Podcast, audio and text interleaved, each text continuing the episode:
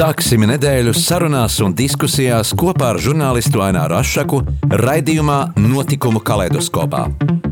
Ik pirmdienu, pulksten 13. Radio Marija Eterā.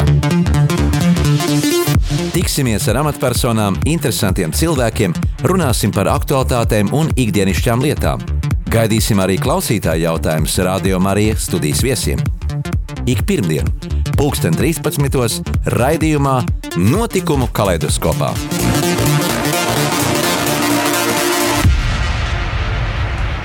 Esiet sveicināti radio klausītāji šajā adventas laikā. Un šoreiz saruna un stāsts raidījumā būs par mūsu sabiedrības to daļu, kuru varbūt ikdienā nevaram pamanīt. Un tad par to, kas tad notiek Latvijas ieslodzījuma vietās, jeb cietumos, kā tie pēc totalitārās sistēmas gāšanas 90. gados ir mainījušies pēc Eiropas noteiktajām regulām, vai tomēr ne viss ir tā, kā vajadzētu būt. Šobrīd Tieslietu ministrijas ieslodzījuma vietu pārvaldes pārziņā ir deviņas ieslodzījuma vietas - cēlus audzināšanas iestāde, Daugopils grīvas cietums, Ilģa cietums, sieviešu cietums, Jelgavas cietums, Jēkabils, Liepājas, Olainas, Valmieras cietums un Rīgas centrāla cietums, kurš apvienots ar Matīs cietumu. Jā, un arī cietuma administrācija nesen informēja, ka mm, to projekts, liels projekts uh, Liepājā, uh, pilnīgi jauns cietums Latvijas neatkarības laikā pirmais tiks uzbūvēts. Tātad pēc soda Izpildes kodeksa pastāv trīs cietuma tipi - slēgtais, daļai slēgtais un atklātais. Un pēdējo gadu statistika liecina pēc um, pētījumiem, ka desmit gados ieslodzīto skaits Latvijā ir samazinājies divas reizes. Un šodien studijā ar savu viedokli un novēroto ieradies radioklausītājs uh, Harijs. Uh, tad, tad uh, katram ir iespējas izteikties un, un arī tevi savus pārdomus sveicināt šajā dienas laikā.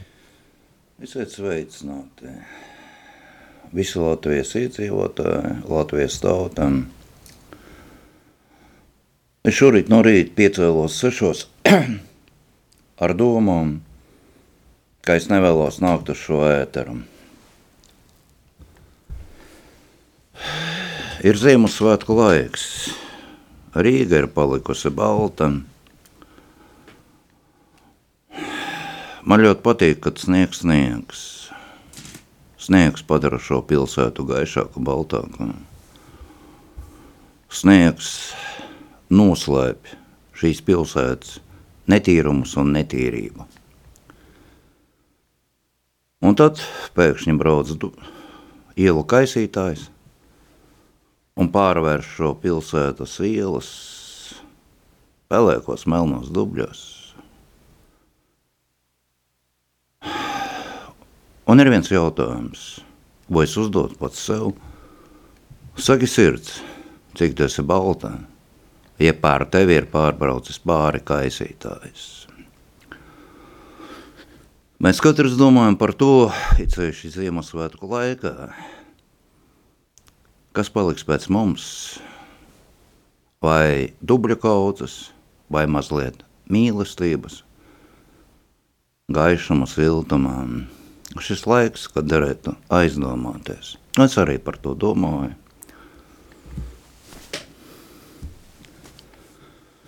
Tad tagad skanēs dziesma.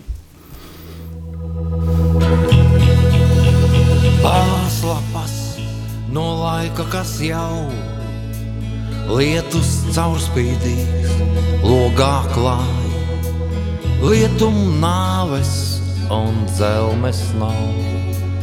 Nezināms ceļš mani gaida un māja. Sauju siltumā pēc garās ziemas, viens mirklis pirms saulēktanes. Mums būs jāizdzīvo vaina jūra, kamēr caurums laiks to ēd un tveš. Tas ir viss, ko es atstāšu aizejot prom. Tas ir viss, ko es ņemšu sev līdzi.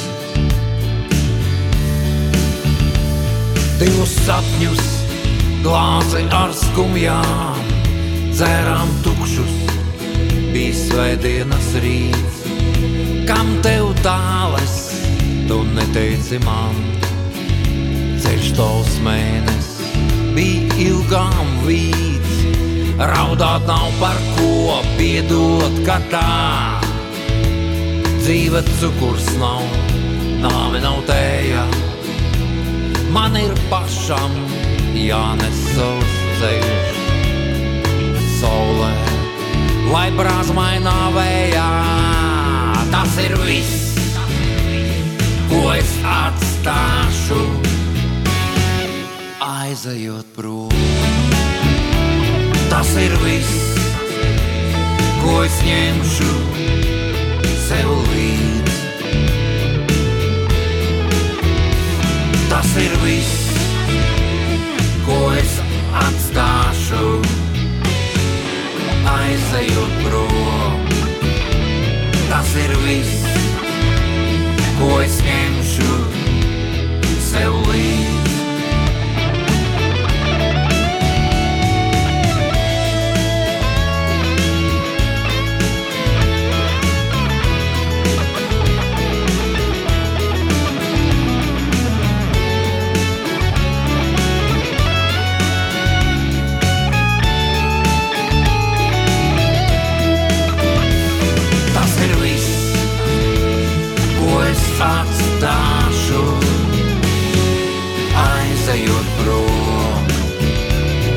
ir viss, ko es ņemšu sev līdzi.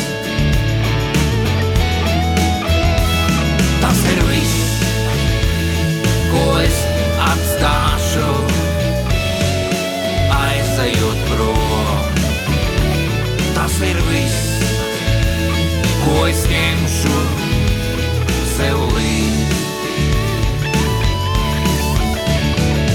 Tas ir viss, ko es atstāšu, aizejot prom. Tas ir viss, ko es ņemšu sev līdzi. Tas ir viss, ko es atstāšu, aizejot prom.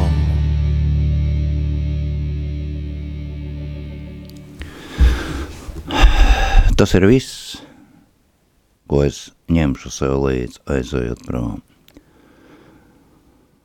Gadiem ejot, es vienmēr domāju, ko tad aizejot, es atstāšu un paņemšu līdzi. Es runāju par tiem, kur atrodas šobrīd Ziemassvētku laikā ieslodzījuma vietās. Tur atrodas cilvēki, es ļoti atvainojos, cilvēki, kur ir kļūdas dēļ, vienkārši ir dzīvē tā noticis. Ir arī pavisam savādāk cilvēki, kuriem varētu teikt, cietums ir dzimtās mājas. Bet Ziemassvētki ir tas laiks, balts, gaišs, skaists, kad es domāju, jebkurš aizdomājas, kas es esmu, ko es esmu darījis, un aizējot, ko es atstāšu pēc, pēc sevis, kā šī dziesma skanēja, vai nu dubļu kaudzi un netīrumus, vai kaut ko gaišu, skaistu, mazliet mīlestības. Jā, vai tavuprāt, um, nu, šī sistēma, vai ne, kas ir soda labošanas sistēma, vai tā ir attaisnojusies pēc uh, Eiropas regulām, tā kā tam būtu jābūt demokrātiskā sabiedrībā? Nu, ieskaitot sadzīves apstākļus, ieskaitot arī uh, visus pārējos nodrošinājumus, kas ir veselīgi. Ieslodzījuma vietas sistēmā nekad sevi nav attaisnojis. Tāpēc, ka ir iespējas vismaz vienu daļu cilvēku labot bez ieslodzījuma vietām. Ieslodzījuma vietās viņš paliek profesors vienkārši. Parādās ļaunums, parādās atriebība, parādās viss, kas ir negatīvs. Un tad ieslodzījuma vietas atstājot kameru draugi, zonu draugi satiekas brīvībā, un sāks viss no gala. Valsts nav izstrādājusi programmu, kā palīdzēt šiem cilvēkiem. Valstī varbūt pat ir izdevīgi, ka ieslēdzējuma vietas ir piepildītas, tāpēc ka par katru ieslodzīto tiek saņemtas naudas, par katru ieslodzīto Eiropu maksā par tiesu spriedumiem, cik viņi ir taisnīgi, netaisnīgi, mēs pievērsīsimies pašās beigās, bet valstī nav izdevīgi, kad ieslodzījuma vietas ir tukšas. Es neatceros, kurš bija gads 76. 76. 7. kad es toreiz avīze Pravdā, PSRS avīzē, ieraudzīju balto karogu virs Somijas cietuma. Kad bija atbrīvots pēdējais ieslodzītais, un Somijas cietumi stāvēja tukši. Tā ir valsts politika, kam tas ir izdevīgi, lai cilvēki atgrieztos atpakaļ. Nu, varbūt, ka tieslietu ministrija atbildēs, kaut gan es esmu pietiekoši daudz lasījis dažādas Eiropas regulas. Esmu lasījis stipri daudz, cik tieslietu ministrija ir noslēgusi līgumus ar Eiropas Savienību par ieslodzīto sadzīves apstākļiem, par ieslodzīto rehabilitāciju pirms atbrīvošanās. Nu, tā ir papīra kaudze vienkārši, kaudze. Tur Leva Tolstoja romāns Karš un miers ir desmit reizes mazāks nekā Tieslietu ministrija ar Eiropas Savienību ir noslēgusi līgumus. Mm, kādi ir šie probācijas dienesti, ko viņi dara ikdienā?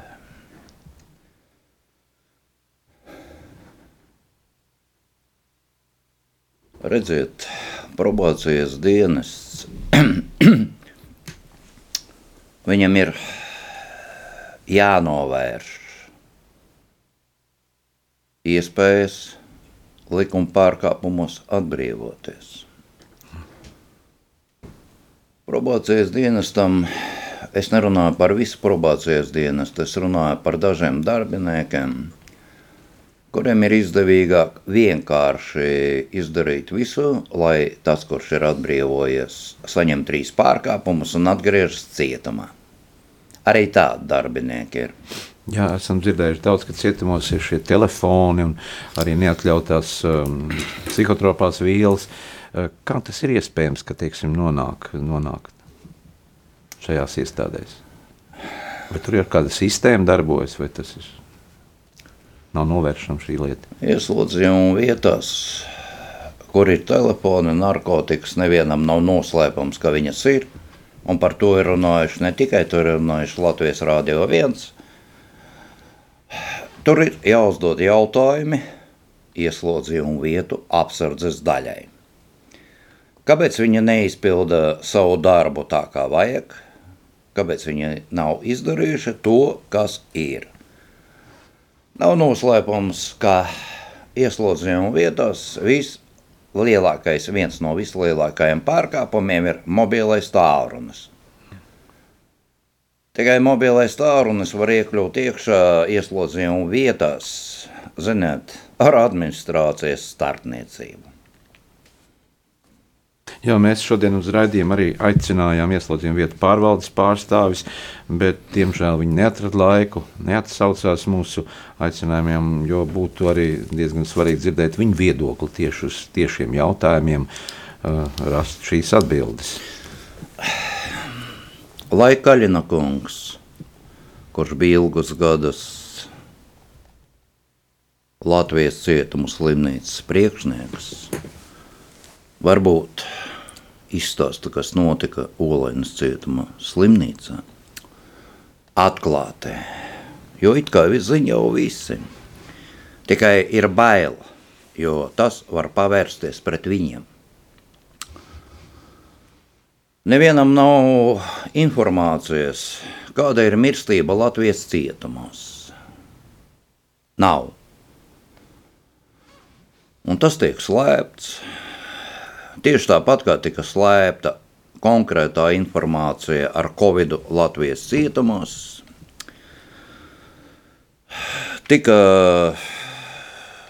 vienkārši noklusēts. Bet vienkārši visai Latvijas tautai ir jāpadomā par vienu elementāru vienkāršu lietu.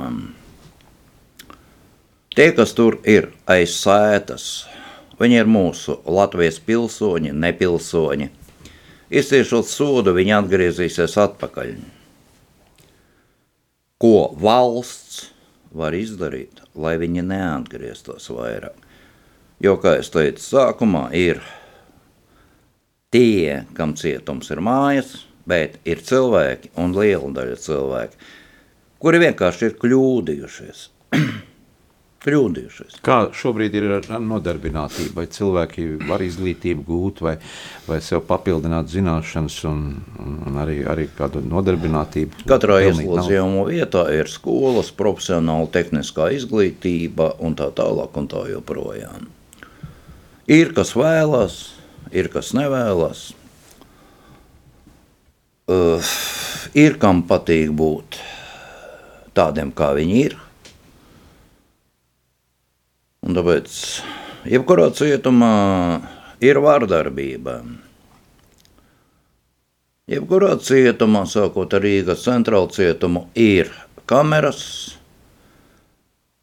kurās iemet cilvēku, lai viņu noliktu vienkārši pie vietas, sarunā ar administrācijām.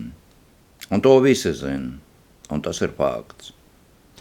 Es zinu, ka tie, kas klausās, pateiks, ka tā nav taisnība. Tikai ir cilvēki, kas to apliecinās. Un, Kāpēc? te ir runa par elementāru vienkāršu lietu. PSRS laikā, PSRS laikā es zinu, ka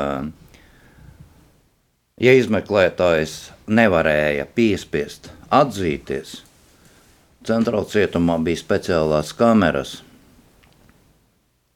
Viņu sauca Indija kur meta iekšā.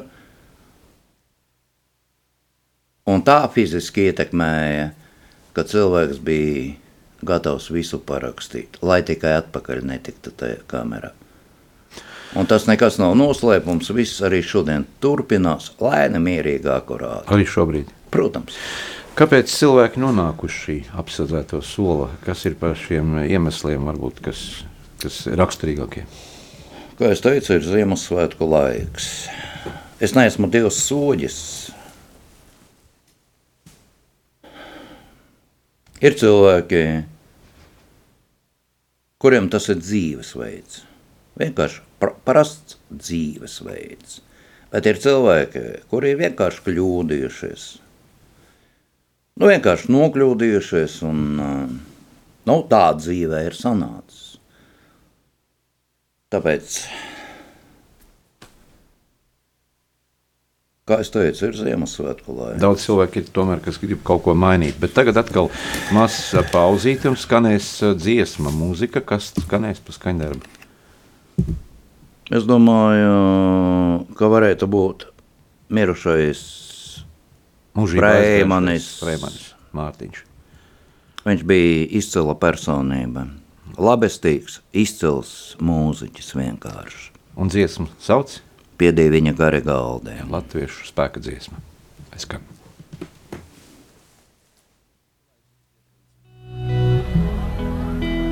Piedīja viņa gari galdīgā Rīgā, bija tur seš pa te mīļā māra, mīļā māra.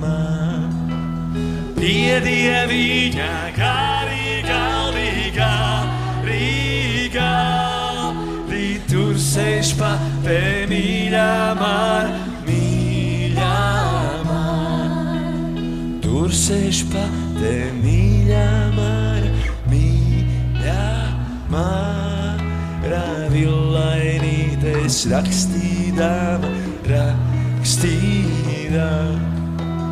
Tur sēž pa te mīļā mara, mīļā mara, villaini, tes rakstīdama, rakstīdama.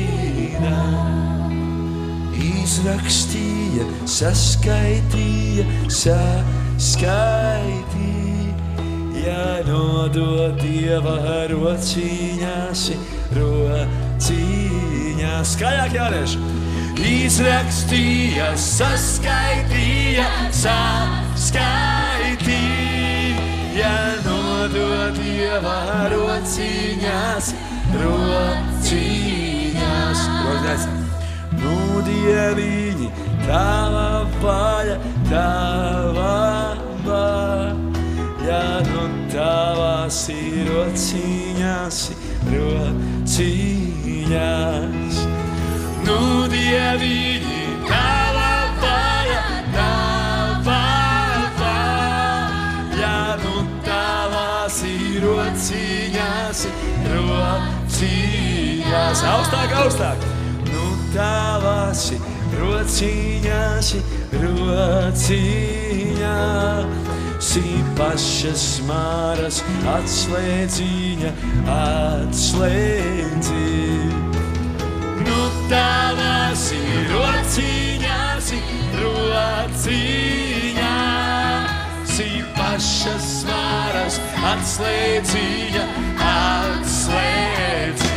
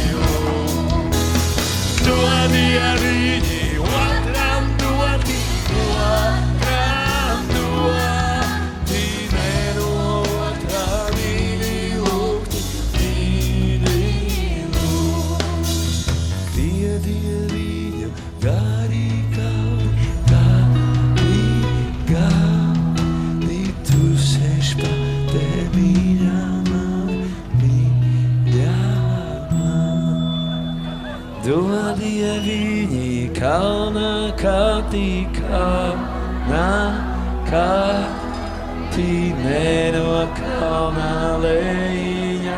Kur ir meitenes? Apakaļ, fiksi.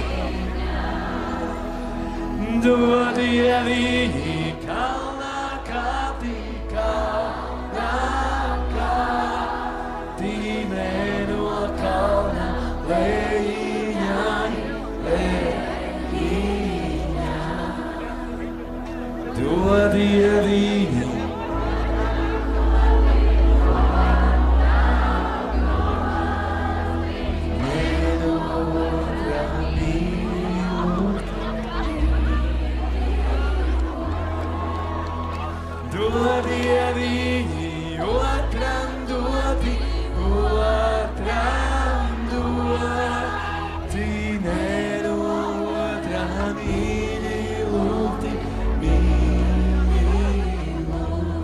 viss smuki. Piedie viņa.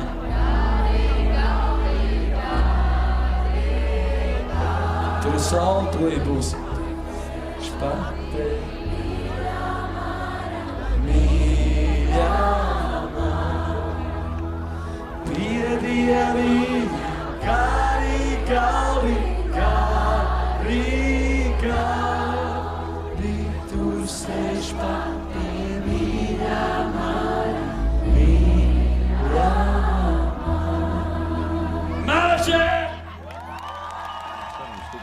mūsu Mums ir šīdienas viesis ar Hariju, kurš ir studijā. Un mēs uh, advents laikā runājam arī par to cilvēku daļu, kas atrodas ieslodzījuma vietās, un arī viņi ir mūsu sabiedrības daļa, kas ir dažādu iemeslu dēļ nokļuvuši uz apsūdzēto soli. Uh, jautājums ir, kā tad um, valsts palīdz šiem cilvēkiem, kuri iznāk uh, no, no, no, no, no ieslodzījuma vietām, un vai ir šī palīdzība tāda, lai cilvēks varētu atspērties un kaut ko mainīt savā dzīvē? Es nesaukšu vārdu uzvārdu. Redzē, ir oficiāls papīrs, ja? No Rīgas domes. Rīgas domes dzīvokļu departaments oficiālais. Man ļoti lūdzu nenosaukt uzvārdu. Ar pārvaldes priekšnieku es Ilbulas kundze parakstu. Ir tāda interesanta situācija mūsu valstī. Kā es teicu, ir cilvēki, kurus tas neinteresē, bet ir cilvēki, kuri vienkārši ir paklupuši. Viņi ir pazaudējuši, kamēr atrodas ieslodzījuma vietā, viņi ir pazaudējuši nekustāmo īpašumu. Nu, tā ir sanācis bet viņi ir normāli sabiedrības cilvēki. Ņemot vērā noteikto likumdošanu, ieslodzījumu vietu, iestāde, kur cilvēks atrodas pēc Latvijas likumdošanas, sešu mēnešu pirms atbrīvošanās, sūta konkrētu, nu, nosauksim to par papīru. Par to, ka cilvēks atbrīvos, viņam nav kur dzīvot, tātad pašvaldībai ir jāpiešķir.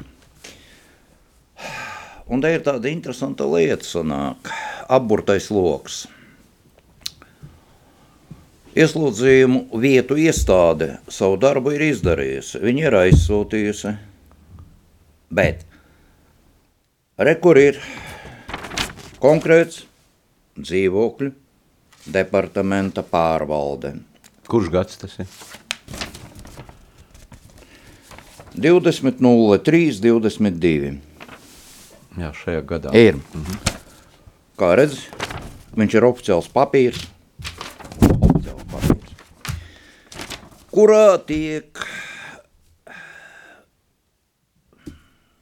cilvēks, kurš atbrīvojas, viņam ir tiesības nevēlāk kā pusgadu iesniegt Rīgas domē, Brīvības ielā 4951, iesniegumu par dzīvojamās telpas piešķiršanu. Tajā pašā laikā ieslodzījumu vietu pārvaldes sociālajie darbinieki, kas ir pats smieklīgākais, viņi nesadarbojas ar brīvības sociālajiem dienestiem. Tad tie, kas ir no no, Ieslodzījuma no vietas tie, kas ir mm. tieslietu ministrijas pārziņā, sociālajie darbinieki. Jā. Viņi ar brīvības sociālajiem dienestiem vienkārši pat nesadarbojas. To mēs labprāt pajautāt, bet nav kam šobrīd.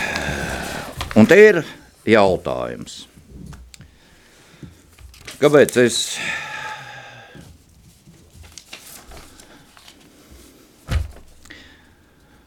tātad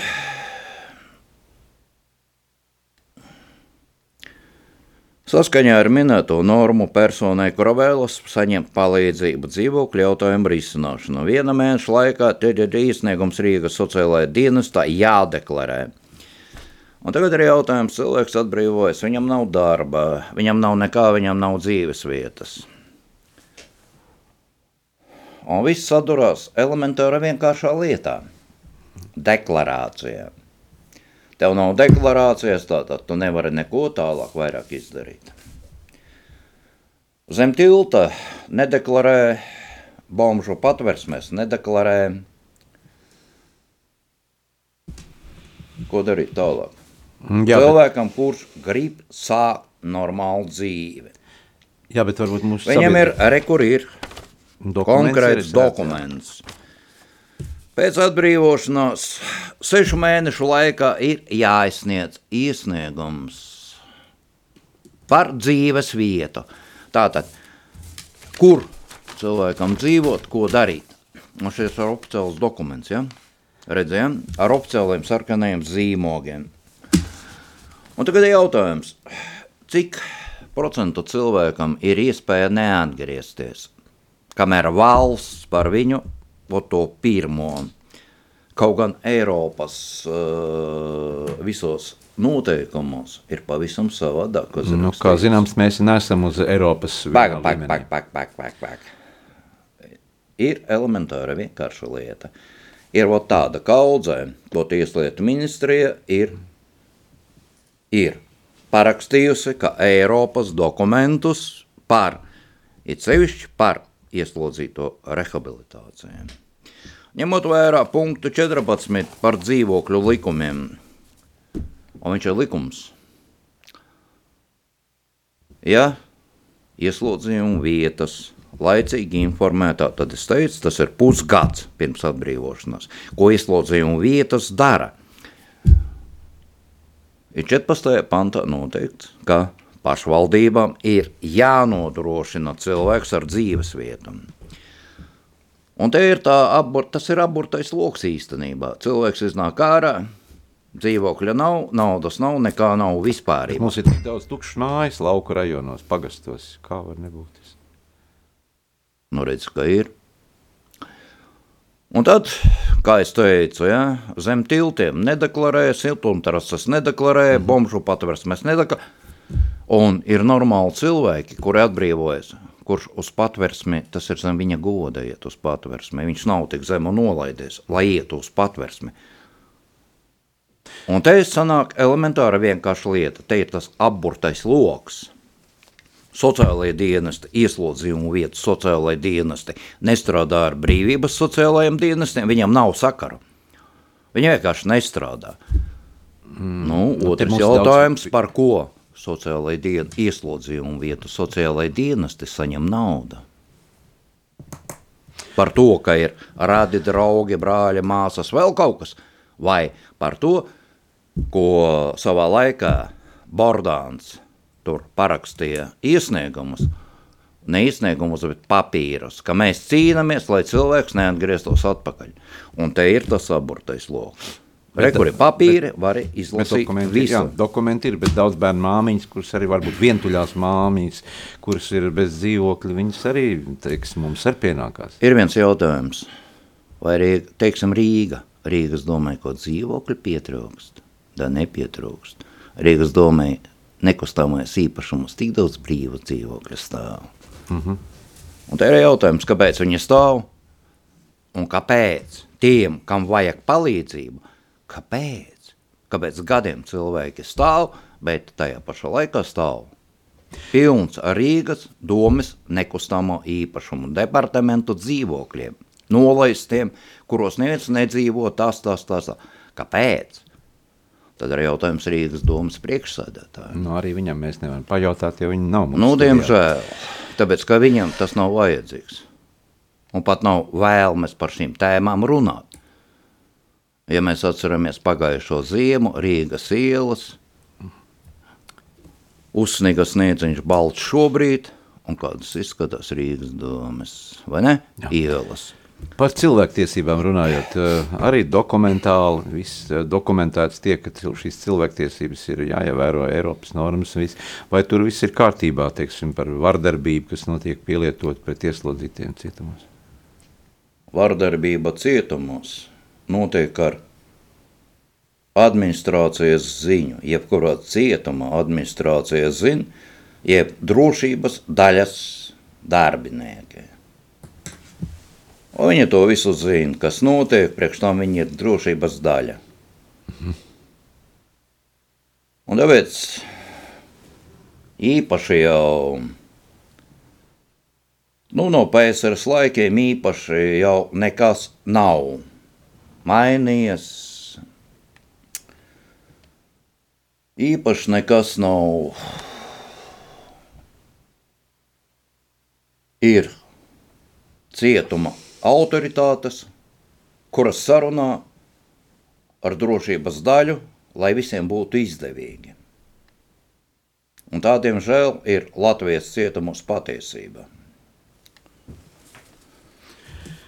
Tāpēc, lai cik tas smieklīgi būtu, nebūtu idiotiski stulbi, vēl kā to visu var nosaukt. Bet īstenībā jau no PSRS laikiem īpaši nekas nav mainījies. Da nav. Bet ir salīdzinoši tomēr uh, šīs vietas, uh, kameras, uh, cilvēku skaits. Agrāk, ja tur bija 15, man ir viens jautājums šī brīdī Kaļina kungam, kurš bija ilgus gadus Latvijas cietumu slimnīcu priekšnieks Olēnē.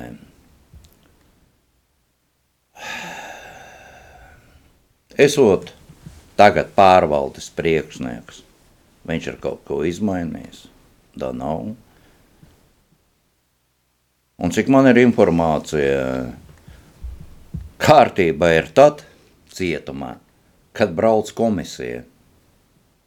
Tad arī izmainās ēdiens, izmainās attieksme, izmainās tas. Ir savas kameras, cik es zinu, kur ieskrien uh, uzraudzības daļa un saka, veči, Nepievieliet mums, pie jums kamerā komisija nāks. Hmm. Un kamera nepieviļ. Un tāpēc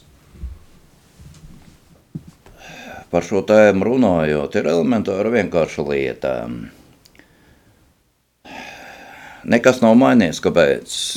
Ja tu sāc rakstīt sūdzības par savu izslodzījumu vietu, tad Pirmkārt, cieši kamera. Kameras biedri. Jā. Nu, ja kamerā, teiksim, vidēji man ir informācija par Daugaugriju, uh, sēž apmēram pa 15 cilvēkiem. Viens uzraksta sūdzību, 14 cieši. Šobrīd 15 vienā kamerā. Jā. Un 14 cieši. Ko tas nozīmē? Tas nozīmē, ir sākas kameras pārbaudes. Kameras pārbaudes, cik es zinu, sākas saucas galds. Kad atverās durvis un caur galdu iet uz pārbaudi ar savām mantām. Un kamera sēž kaut kādā mazā boksikā visu dienu, kamēr visas pārbauda. Un tad pienāk brīdis, kad saka, nu ko, uzrakstīja iesniegumu, uz sūdzību uzrakstīja, rakstīsi vēl, turpināsim tālāk. Un tāpēc neviens nesūdzas, tāpēc, ka visiem ir bail, visiem ir bail par savu vārdu, par nērtībām, par to, par to, par to, par to. Un tas ir tas, kāpēc it kā Latvijas cietumos viss ir kārtībā, jo tik līdz cieši kamera. Un administrācija to labi zina, administrācijas zina, kā to, lai tie 14, 15 to vienu ietekmētu, lai viņš vairāk nerakstītu sūdzību. Kā jau šobrīd min, minēja, kad uh, ir jauns projekts, par ko arī prezentēja uh, cietuma pārvaldes vadība, kad tiek būvēts un iecerēts jau piešķirt līdzekļi, lai būvētu jaunu ieslodzījumu vietu Liepājā. Uh, Vai ir kaut kas dzirdēts par to, un kā tas varētu mainīt, ja tas ir pirmais šāds uh, cietums? Varbūt tas būs tāds paraugs, paraugs ieslodzījumies. Zināms, tā nauda jau bija piešķirta vismaz divus gadus atpakaļ.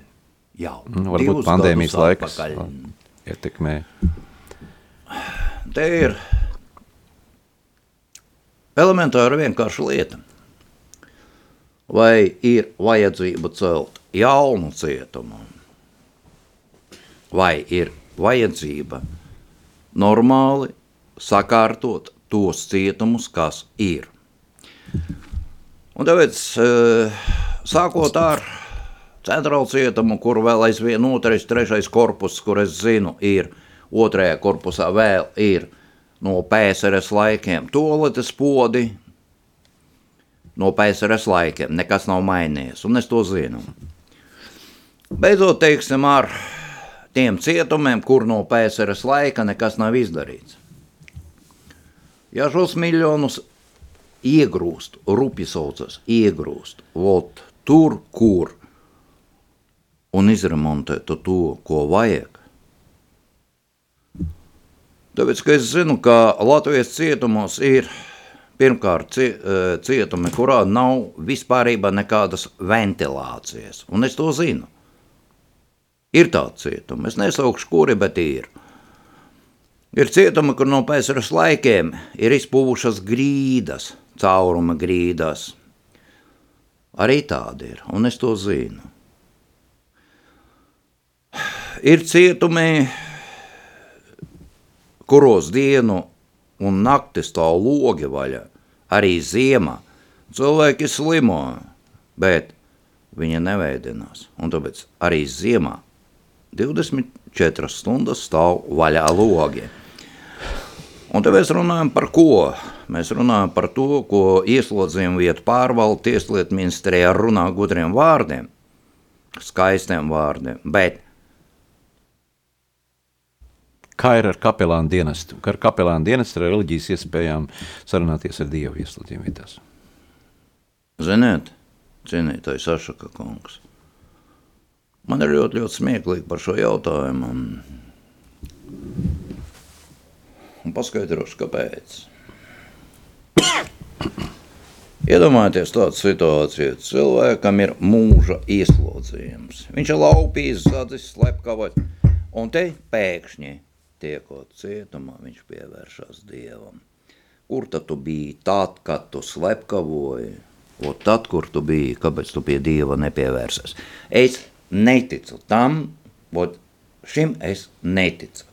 Kapelāni strādā, jā, viņi ir normāli cilvēki, viņi ir forši, bet, nu, ja cilvēks ir mūža ieslodzījums, mūža ieslodzījuma ne par ko nedod, Nu, nav tādu variantu, ka ne par ko iedod 25 gadiem. Mūža. Nevis 25, tas ir maksimālais, bet pēc 25 gadi ir nākamais mūža ieslodzījums. Un tu esi zādzis laupījis, slepkavojis. A, kur tad, bija Dievs? Apēkšņi tu nonāk cietumā. Tad cilvēks sevi jūt mai, pārmainīties. Nevar pārmainīties. Tāpēc, kā ir elementāra vienkārša lieta. Dievs nepārdod indulgences. Nekad nav pārdevis un nekad nepārdos. Un tāpēc savā laikā rakstīja, paldies tev, Dievs, ka tu neņem konvertes, neņem to, to. Tas ir izlasāms. Es tev varbūt aizsūtīšu, ja? Ka nevar tevi iedot. Ne konverti, ne aplūkt, paldies. Un tāpēc Dievs nepieņem indulgences. Dievu nevar nopirkt. Viņš nepārdodas, vai kā PSRS laikā teikt, viņš neņem zjatkas. Vai nu tu esi, vai nu tu neesi. Bet pēkšņi tad, kad tu esi šeit, ar mūžu ieslodzītie, un tie ir visvairāk ieslodzījuma vietas, mūžu ieslodzītie, viņi pēkšņi ir atgriezušies pie Dieva.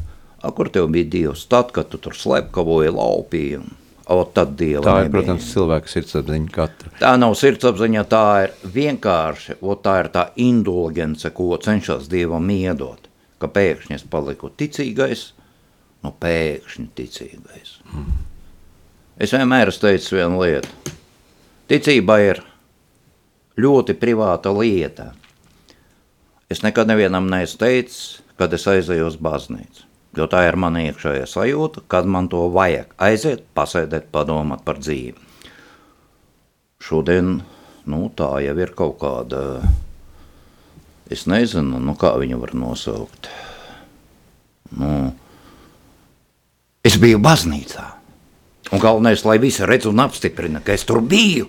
Un Tā kā tāda modes lieta, Jā, teikt. modes lieta jau ir. Un, ziniet, tie, kas PSRS laikā neticēja, atmodas laikā 91. pa ceļgala virsū līda puskilometru uz baznīcu pa ceļgala virsū līda. Mēs. A kas tu? A kas tu? Tu esi vienkārši, o tagad es pārvilku kažoku uz otru pusi, Un viss ir kārtībā. Apmēram atceries to veco PSRS filmu Svaļba Maļinovkie, mm -hmm. kur vi- nāca krī, ba, sarkaniekša, veids cepuri apgriež uz otru pusi, apeķ vlast miņaicā. Un tā ir arī šeit. Jā. Tātad mūsu raidījuma laiks jau tuvojas noslēgumam. Vai tev ir vēl kaut kas piebilstams?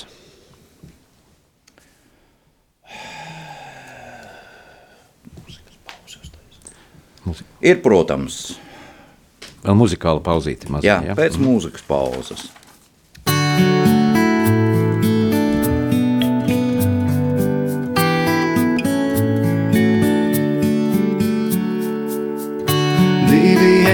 sēž, jumta korē un dzied. Katram nomet padāvanai, katram, kas garām iet. Bet to nedzird neviens,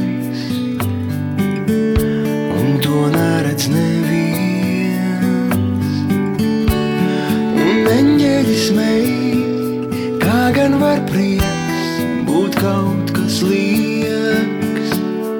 Zini, varbūt mums jālido prom. Šeit katram jau tā ir tik daudz. Dzirdi kaut kur kāds pārēdis raud, un laimīgi atpakaļ sauc. Divi eņģeļi sēž,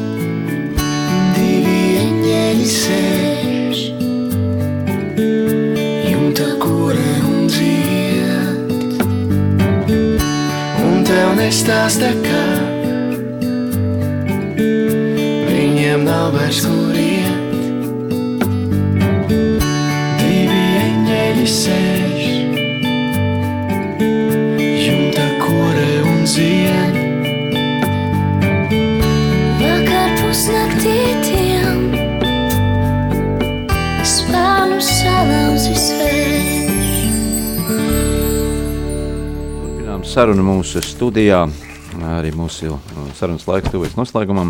Ar mūsu šīdienas uh, viesi studijā runājam par, par ieslodzījumu vietu uh, pārvaldes esošajām problēmām. Un tad, tad jautājums par to, ko tad nozīmē šīs tiesas reformas, kā tās darbojas vai nedarbojas, un un ko, kā mēs varam mainīt, vai tā ir tikai politiskās varas griba, vai arī vienkārši negribēšana rīkoties. Gadus atpakaļ. Bordāna kungs lielījās ar tiesu reformām. Un te ir, es atvainojos, cik mums ir laika? 5 minūtes. 5 minūtes. Es pamēģināšu ielikties 5 minūtēs. Te ir jautājums, pēc kādiem kritērijiem šodien strādā tiesas. Ko nozīmē tas, ko nozīmē tas sākšu no nulles?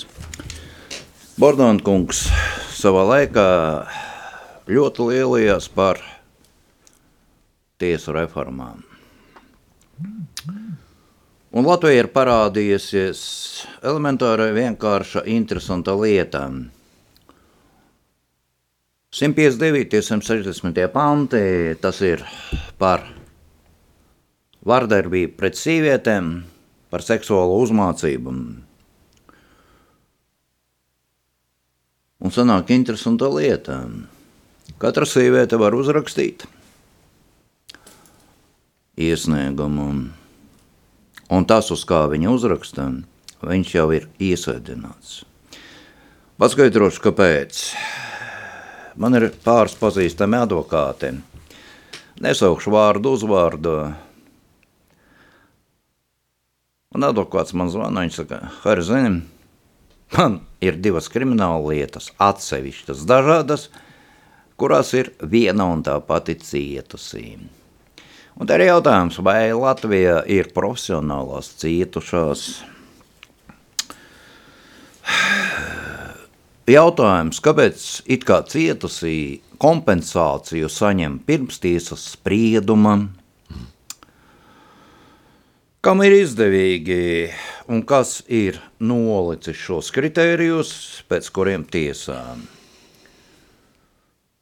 Spriedums redzēja, ja? cietusī paskaidro par izvarošanos. Faktu.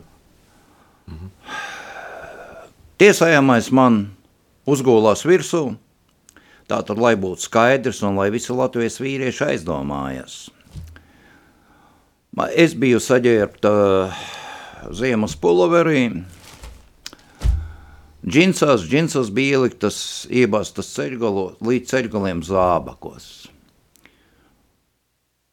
Un tagad ir krieviem būtu barens očividnoje, neverojatnoje. Tiesājamais man uzgulās virsū, norāvā džinsas un apakšbikses līdz ceļgaliem, uzgulās man virsū un izvaroja. Ja kāds no vīriešiem saprot, ka tas pat teorētiski nav iespējams, tad šeit, šeit vienā no spriedumiem. Un tad ir jautājums, ja tiesa prokuratūra, it sevišķi prokuratūram. A prokurors ir kas? Prokurors ir tas, kas seko likumības ievērošanai. Bet, ja prokurors ir ieinteresēts, ja tiesnesi zina, ir vēl viena krimināla lieta, par ko, lai aizdomājas latviešu nevarīgie vīrieši, ko es personīgi lasīju. Sieviete, kura dzēra, atnāk mājās pēc trīs dienām, vīrs viņu vienkārši sit. Un viņš saka, mīļais, šoreiz nebija tā, kā tu domā. Man izvaroja. Personīgi lasīju kriminālu, to ir spriedumu, pareizāk sakot. Viens tas, kurš vispār paiet nevar, viņš vairs nevar 100, gradu, 100 gramu šņabja glāzi paņemt. Viņš te var tikai 50, viņam veselības vairāk nav. Viņš man nevaroja 20 reizes dienā, ne mazāk kā pusstundu katru reizi. Nu jā, tik sīk niansēs. Nē, nē, nē.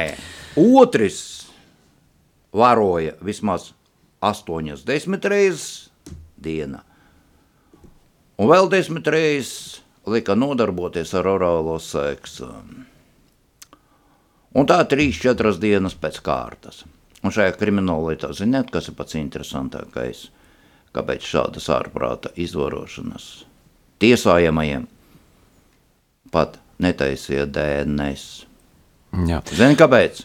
Nebija ar ko salīdzināt. Tāpēc, kad tās tur DNS un medicīniskie visi parādīja, ka sievietei vispār kāda laika nav bijis seks. Viens sēž 15 gadus, otrs 17, neskatoties to, ka tas ir konkrēti Un uzrakstīts. pārsūdzības nav nekur Eiropas Es tiesās bija. reizēm lasot šos spriedumus, brīnos.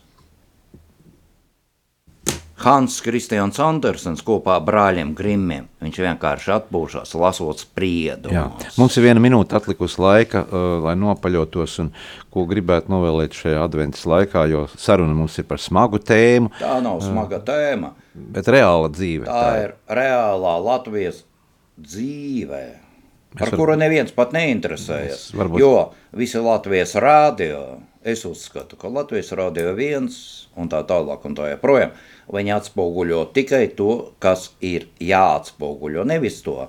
Es ļoti ceru, ka varbūt parādīsies kāds, kāds, kuram nebūs bail pacelt šo tēmu tā riktīgi visas sabiedrības līmenī Nu, tu, tas ir darbs saprat- pētnieciskajai žurnālistikai. Lai Jā. īsti saprastu, kas notiek Latvijā ar likumdošanu, tiesām un visu pēc kārtas. Jā, ar to arī pieliksim punktu sarunai, ko gribētu novēlēt mūsu radioklausītājiem.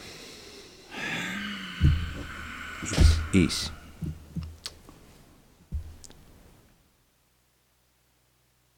Es pabeigšu ar to, ar ko es sāku. Ir Ziemassvētku laiks. Tas ir pārdomu piedošana laiks. Uzdodiet katrs jautājumu. Saki sirds, cik tu esi balta, vai pār tevi ir pārbraucis arī pāri ielu kaisītājs. Šis pārdomu laiks, piedošana laiks, Ziemassvētki, paskaties aiz loga. Balti koki, balti nosnigus pilsētā. Sniegs ir tas, kurš padara gaišāku pilsētu. un Sniegs noslēdz pilsētas netīrību. Netīrību. Ne tikai netīrumus, bet arī netīrību. Un tas tas jautājums par to kaisītāju. Paldies! Cik balta esi mana sirds. Paldies arī šodien par sarunu Harijam, un es arī teikšu, lai cilvēkiem mm, pasaulē būtu miers, labs prāts un, un, un, un saticība, un, un arī gan tur, gan te, gan ārpus, um, ārpus ieslodzījuma vietām, gan arī ieslodzījuma vietās nu, cilvēki nejustos pazemoti un tikt ievērotas cilvēktiesības, un lai ne- nebūtu šādi negatīvi, negatīvi uzskati arī, un, un, un tā pieredze nebūtu tāda, kāda tā ir. Šobrīd paldies, ar to teiksim visiem, visiem mierīgu šo adventas laiku. Paldies. Lai jums visiem gaišs laiks. Skaists, gaišs. Paldies! Sāksim nedēļu sarunās un diskusijās kopā ar žurnālistu Aināru Rošu raidījumā Notikumu kaleidoskopā. Ik pirmdienu, pulksten 13. Radio Marija Eterā. Tiksimies ar amatpersonām, interesantiem cilvēkiem, runāsim par aktuālitātēm un ikdienišķām lietām. Gaidīsim arī klausītāju jautājumus Radio Marija studijas viesiem.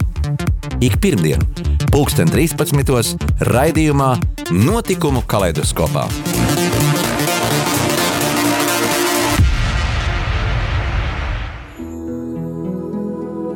Adventa kalendārs kopā ar Radio Mariju Latviju.